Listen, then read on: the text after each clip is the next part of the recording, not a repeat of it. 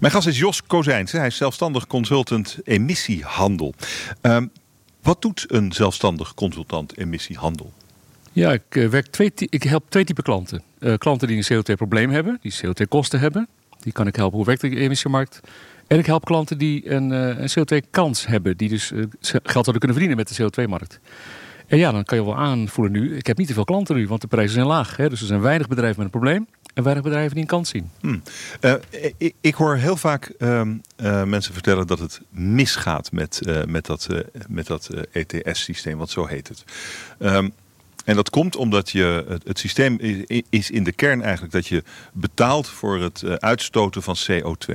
En dat kost nu per ton een euro of vijf. En er zijn heel veel mensen die zeggen, ja, het zou veel duurder moeten zijn. Het zou 100 euro moeten, moeten kosten. Dat zouden ze leren. Dan zouden ze het wel laten. Dat is de gedachte achter dat systeem. Hè? Uh, dus is dit een dood paard? Of zit er misschien nog een keer leven in? Ik vind het nog steeds een dartelveul. Het is nog steeds nieuw. En we hebben nog steeds uh, alle kansen die het heeft uh, gebruikt. Zo zie ik er. Zo kijk ik wat, heeft, wat heeft het, uh, het CO2-beprijzingssysteem opgeleverd dan? Ja, nou, je zei het al. Van de bedoeling is om CO2-kosten te gaan maken. Om CO2 een hoge prijs te geven. Nee, de bedoeling is om de CO2 te cappen. Hè, om te maximaliseren. Dus daar begint het mee. Emissiehandel is ook een beetje een raar woord. Het heet eigenlijk cap and trade. Je hebt een emissieplafond, een budget, een maximum. Net met melkquota, mestquota. Daar moet je binnen doen. En afhankelijk van de vraag en aanbod is de prijs hoog of laag. Ja. Dat kan schommelen door het weer. Dat kan schommelen omdat er een nieuwe techniek komt. Dus het, de markt bepaalt de prijs eigenlijk. Hoeft niet per se eh, groot, hoog te zijn. Daarom is het grappig dat de Amerikanen, als ze nu naar Europa kijken, zeggen ze van nou, jullie doen het heel goed, want jullie halen de doelen en de prijs is laag. Dus het is maar net hoe je er tegenaan kijkt. En ik vertel mijn gehoor ook vaak van... ja, emissiehandel is bedoeld om uh, klimaatdoelen haalbaar te maken, betaalbaar. Niet bedoeld om het duur te maken. Maar het is juist bedoeld om het goedkoper te maken okay. dan normaal. Dus die lage prijs betekent dat wij de CO2 uh, uitstootbeperking makkelijk halen. Exact. En dan kan je zeggen dat is te makkelijk, want ja. de doelen zijn te laag. Ja, dat okay. zou, mijn volgende vraag nou, zijn. Stel die doelen dan vol, uh, hoger. Da daar zijn we mee bezig. Dat gaat langzaam. Dat doen we met z'n allen. Dus dat is één. Ja, en twee, als de prijs te laag is, dan willen mensen vaak iets anders. Die willen vaak uh, duurdere technologie dan alvast implementeren. Maar die hebben we nu nog niet nodig, zou je kunnen zeggen. Dus bereid dat vooral in de techniek voor, in de laboratoria, wat subsidie hier en daar. Maar ze zijn nu nog niet echt nodig.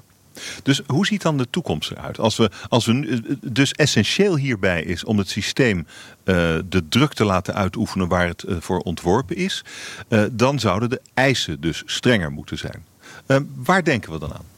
De eisen bedoelt het maximum aantal emissierechten? De, de, de maximum emissie. Ja, nou dat moet nul zijn in 2100, mondiaal. Dat betekent in 2050 dat Europa negatieve emissies zou moeten hebben. Dus zelf naar nul plus nog extra emissies ergens anders vandaan halen. Of via uh, negatieve emissies in de bodem, of via emissierechten die je koopt in het buitenland. Dus dat is waar we voor staan. Dus uiteindelijk hebben we in Europa nul emissierechten meer over. Dat klopt. Nou, de energie kan wel naar nul. Hè, dus daar gaat hij altijd naar een veiling. Die krijgt ook geen emissierechten meer gratis. De industrie kan nog niet te makkelijk naar nul. Er is nog te weinig groen gas, te weinig recycling. Dus ja, je zal toch iets van ruimte moeten scheppen, moeten houden voor de industrie. Dat kan niet als je naar nul gaat in, in Europa. Dus zal je emissierechten, reducties uit het buitenland moeten halen. Dus daarom zeg ik altijd van begin daar nu vast aan. Bijvoorbeeld uh, de doorgaande ontbossing elk jaar. Dat is uh, nou, bijna 70% mondiaal van emissies. Doe daar nu alvast wat aan. Dat geeft je emissieruimte. Dan kan ondertussen de technologie veel ontwikkelen zodat die betaalbaar is. Hoe werkt dat dan? Dat voorbeeld van die ontbossing, hoe werkt dat dan? Nou, landen die zijn, ook, die zijn er echt heel geïnteresseerd in. Hè? Bijvoorbeeld Afrikaanse landen die zeggen onze eigen bijdrage aan het klimaatprobleem is de ontbossing. Nou, wij, zullen, wij willen best wel onze landbouw verduurzamen, beter maken, productiever, dat we minder hoeven te ontbossen. Maar dat kost geld. Dus als jullie ons geld betalen, kunnen wij dat in het voorkomen van ontbossing stoppen. Nou, dat leidt dus tot een betere productiviteit in de landbouw en minder ontbossing, minder emissies. Nou, dat lijkt me een heel goede bijdrage bij het klimaatprobleem. Gebeurt er al zoiets? Op kleine schaal. Uh, bepaalde, landen, Peru, Brazilië deed het veel, nu wat minder. Uh, Mexico is ook bereid dat uh, te gaan doen. Heel veel landen hebben ook afspraken gemaakt twee geleden hoe je moet bewijzen wat je emissielevel nu is. Zodat het betrouwbaar is dat als je zegt ik ben nou 2% lager dan, dan eerder, dat het dan klopt.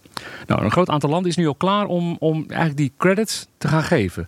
Dan is wel belangrijk dat, je, dat ze niet alle uh, uh, voorkomen emissies gaan verkopen natuurlijk. Want dan is het uh, zero-sum game. Hè? Emissies daar, of hier en reducties daar. Dus het moet maar voor een gedeelte zo zijn. Interessant is, en dat is erg nieuw op dit moment, dat de luchtvaart... die moet vanaf 2020 de emissies ja, klimaatneutraal maken. Als het ware, ze mogen vanaf 2020 wel groeien, maar de emissies niet meer. Men moet echt credits kopen, reducties kopen. Nou, en de boslanden zien dat als een... ja, als een boslanden? Ja, de, de tropisch boslanden. Oh, de- de- Ghana, ja, Kenia, ja, ja. Mexico. Ja. Landen die heel veel bos hebben. En dat zien als een enige mogelijkheid om bij te dragen bij het klimaatprobleem. En ook de enige mogelijkheid om inkomsten daarvoor te krijgen. Nou, en de luchtvaart zou een deel ook daarvan kunnen kopen. Dus het gaat langzaam die kant op. En zeg je, ja, waarom gaan we het in Europa niet gebruiken? Voor een deel. Hè? Nou, er is, ehm, eh, de, eh, Europa doet wel van alles aan dat ETS-systeem. Ja, laatst klopt. laatst Ja. nog weer.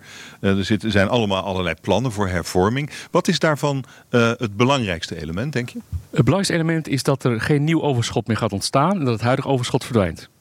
Heel helder. Nou, dat hebben we afgesproken. Ja, want, want dat overschot, dat is wel een systeemfout. Ja, dat is een systeemfout, omdat er, er was niet afgesproken als er nou een overschot ontstaat en een te lage prijs. Dan zou het eigenlijk logisch zijn dat je minder gaat veilen of later gaat veilen. Dat zou een no-brainer zijn. Dat hebben we niet afgesproken. Wij dachten alleen, nou, het wordt misschien te hoog. Dus als de prijzen nou te snel stijgen, dan kunnen we iets meer veilen en iets eerder veilen. Maar we hadden gewoon niet aan gedacht om dat ook op te schrijven. Nou, toen heb ik altijd gedacht van, dat is een technische fout, dat kunnen we zo corrigeren, geen probleem. Want ja, het was wel de bedoeling dat het niet naar nul gaat, naar, naar twee of drie. Is nooit gelukt in Europa. En wat, wat je gewoon ziet is dat het is een heel mooi systeem eh, toen het was afgesproken. Links en rechts was het erover eens. Iedereen had wel een voordeel erbij. Sommigen zeiden, krijg meer zonne-energie, anderen meer CO2-opslag, eh, landbouw. Iedereen had er wel een belang bij. Hè? Van nou, die CO2-markt kan ons allemaal wat opleveren.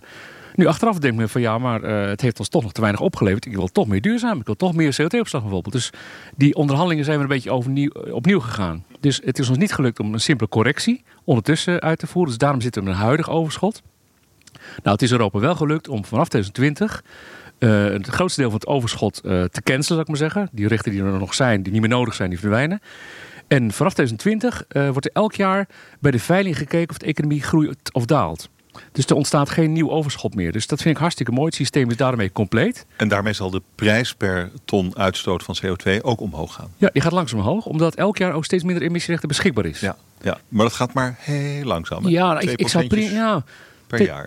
2%, dat zou mooi zijn, hè? want de energie-efficiency-verbetering is maar 1% per jaar. Dus dan zit je al, dan gaat het al drukken. Dus er, die druk. Dus het, het Ja. zal nog veel meer dan nu al het geval is, zijn waarde gaan bewijzen. ja, het gaat langzaam. Oké, dat ziet blijkbaar de staalindustrie ook. We hadden eh, nog niet zo lang geleden een brief van 76 CEO's van, ehm, van staalbedrijven. Ja, heel verdrietig. En die zijn heel verdrietig. Die zeggen ETS, de hervorming van ETS, Het gaat werkt de goed. Het gaat goed staalindustrie werken. Het gaat bijten, Euro- zeggen ja, maar het gaat Europa uitjagen. Ja. ja, ik denk dat we als Europa en ook als Nederland op een gegeven moment de keuze moeten maken. Want staal, die zegt wel van alles. En Taat is een van de beste bedrijven in Europa. Die zeggen ook soms van wij hebben ook echt belang bij een eh, hoge CO2-prijs. Maar een mondiaal. Hè? Eh, maar dat gaat natuurlijk niet gebeuren, een mondiale prijs. We hebben wel allemaal emissiehandelssystemen, cap and trade. We horen ook steeds dat Taat allemaal mooie plannen heeft. Heel veel zonnepanelen, grootste dak eh, van Nederland. Ze doen heel veel goede dingen. ook, ja. De rest waar doen ze ook. Dan zou ik zeggen van, dan heb je toch juist belang bij een hogere CO2-prijs. Want als je dan rechten vrij speelt door je eh, de investeringen, dan kan je die rechten verkopen voor een hogere prijs. Dus tel uit je winst, zou ik te zeggen.